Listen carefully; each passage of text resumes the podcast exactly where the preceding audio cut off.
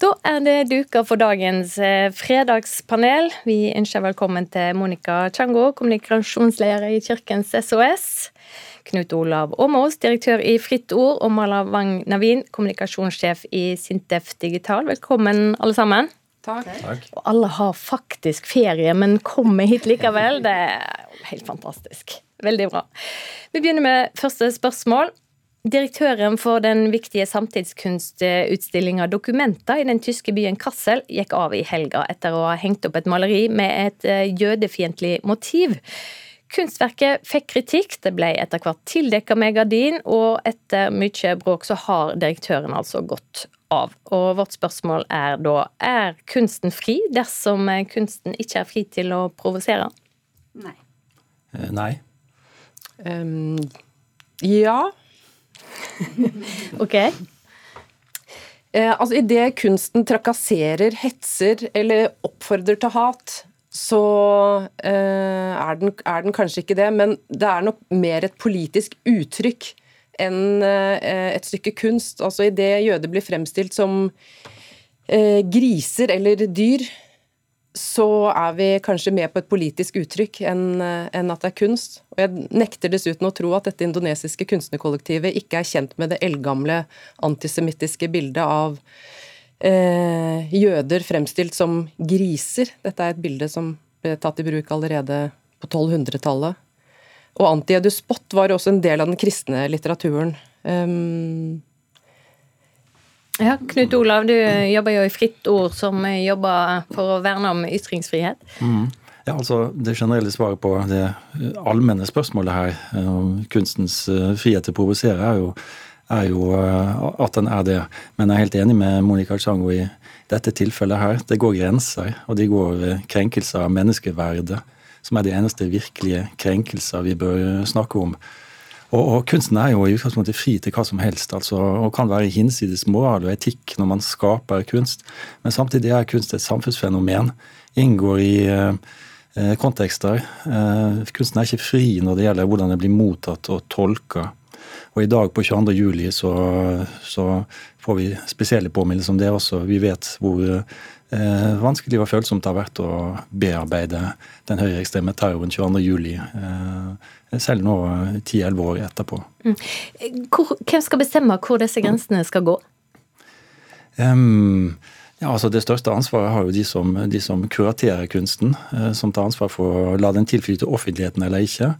Og, og, og, her har jo dokumenter vegra seg lenge før ja, den tyske presidenten eh, måtte inn og kjenne litt, eh, til og med. Tyskland er jo et eh, spesielt land når det gjelder antisemittisme, og har svært lav terskel for, for det, heldigvis. Mm. Ja, altså jeg tenker også at det Monica og Knut Olav sier mye fint her, og mye riktig, og som jeg er enig i, at kunstinstitusjoner behøver, ikke å være fritatt uh, altså, De kan ta et moralsk valg da, om å ikke støtte denne type kunst. Uh, og når det kommer til nazisme og antisemittisme, så tenker jeg at historien vår trumfer uh, disse hensynene om at kunsten er fri. Og så tenker jeg også at uh, Dere er inne på dette med kontekst. og har, uh, Dette er jo en indonesisk kunstgruppe, og jeg har opplevd veldig mange ganger i og med at jeg har en sterk tilknytning til India, at veldig mange asiatiske, unge asiatere har et veldig fjernt forhold til uh, den nazismens historie i Europa.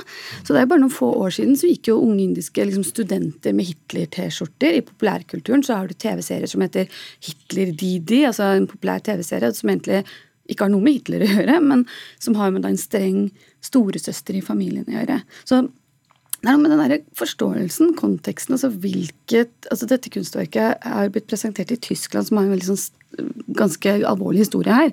Eh, så jeg tror kanskje det er noe der òg, noe som vi har gått glipp av. altså. Altså, slik jeg har forstått det, så eh, sier altså, Du sa at Sabine Schormann, eller hun som var direktøren for Dokumenta, har hengt det opp, men slik jeg har forstått det, så sier hun selv at hun har hatt, ikke helt har visst hva som har foregått, og at dette kunstnerkollektivet har fått frie hender. Så har hun i etterkant da hyret inn en mann som jeg tror er eh, direktør for Anne Frank-huset i Frankfurt, eller et eller annet sånt noe. Og han, når dette her skulle rettes opp i etterkant, da, så brukte han flere uker på i det hele tatt få kontakt med henne. Mm. Så dette her jo, inneholder jo også Hun vet jo at uh, prosessene ikke har vært uh, ryddige. Mm. Ja, altså Rent kommunikasjonsfaglig så er dette helt krise. ikke sant? Det er noe med det der å være ydmyk og gå i møte og i dialog og sånn. Å være arrogant, trekke seg tilbake fra samfunnsdebatten, det er liksom sikker vinner hvis du vil miste jobben din, tenker jeg. Vi lar det være punktum for eh, første spørsmål. Går videre. Bare to av ti oppdager ny musikk via radio. og Det er en klar nedgang fra 2020 ifølge Tono. Samtidig er det flere enn før som sier de siste oppdager ny musikk på Facebook, TikTok eller Instagram. Og Mange sier òg at de hører på ferdiglaga spillelister. Spørsmål da? Er det problematisk at sosiale medium og strømmetjenester i stor grad styrer hva musikk folk hører på? Nei. Nei. Du drog litt på det, Knut Olav? ja, altså, Jeg har jo sans for redigerte medier og hva skal vi si, kuraterte flater som, som radio og andre redaksjoner kan by på. da, I å peke på og løfte fram eh, noe som er spesielt viktig. Men altså, jeg hører mye på NRK P3 og MP3. Jeg har ikke følelsen av at de er så veldig ikke-kommersielle. da. Man hører de samme spillelistene hele tida. Så eh, jeg syns det er positivt at sosiale medier er blitt viktigere for å oppdage ny musikk. Eh, jeg har det sånn sjøl også. Eh, viktig for å nå flere unge mennesker. Det er ikke så mange av de som sitter og hører på radio hele dagen. Og hvis det er et problem for en del ny musikk, eller for norske artister, så, så, så må, må, de heller gjøre en sterkere innsats med å eh, prøve å nå gjennom på sosiale medier. da. Nei, jeg tenker at eh, det ikke er noe problem. Altså, det er ganske kuratert, det som kommer fra Spotify. De, jobber, de har store redaksjoner som jobber med musikkutvalget. Og så har man jo den TV-suksessen til Netflix nå, Stranger Things, som finner sted på 80-tallet. Og det er dagens iPad-unger har jo blitt introdusert nå fra Walkman og 80-tallsmoten. Og nå har jeg en 10- og en 11-åring hjemme som går rundt og synger Kate Bush sin ja, Hva syns vi om det? Hva syns vi om det? Jeg, jeg syns det er helt fantastisk. Ja, det er det at, eh, en, at dronninga sjøl er hentet fram fra, fra platearkivet, får vi vel si. Men Så, også Fleetwood Mac og Polanka har fått, ny, eh, fått et løft fra TikTok. Er litt trist at de unge hører på gammel musikk, eller? Litt kult? Nei, Overhodet ikke. Jeg tror bare vi må finne oss i at det, det vi tenker på som den klassiske allmenndannelsen, da, i forhold til kultur og populærkultur, at, eh, at TikTok kan bistå på, på den måten der. Og Det er ikke rart at det er sånn som dette i Norge, fordi vi vet at i verdenssammenheng så er vi ekstremt eh, mye på sosiale medier. Og, og, vi er også blant de folk i verden som har høyest betalingsvilje for musikk i strømmetjenestene. Så, så det er ikke sikkert at dette er så galt, nei. Men dette er ikke en gammel diskusjon. Jeg intervjuet Ferdinand Finne en gang, og han ville aldri høre på radio, for han ville ikke høre på musikk som andre hadde plukket for ham. ikke sant. Um, samtidig så er det jo algoritmer på sosiale medier som, som gir oss mer av det samme, og mm. kanskje ikke ny musikk? Nei, og de, ting, Hvis du f.eks. lager noe på Instagram og legger på musikk, så får du liksom ingen views hvis du legger på en eller annen sånn jalla-sang ingen har hørt om. Du må legge på noen av de som er hits allerede. Mm. Så, så algoritmen favoriserer, kopierer, og ja, det er jo det noe hun fantastiske eh, Lena Lindgren er inne på i Ekko-boken sin. At vi er jo inne i et sånn ekkokammer, og det gjelder musikken også. Er det på TikTok? Nei.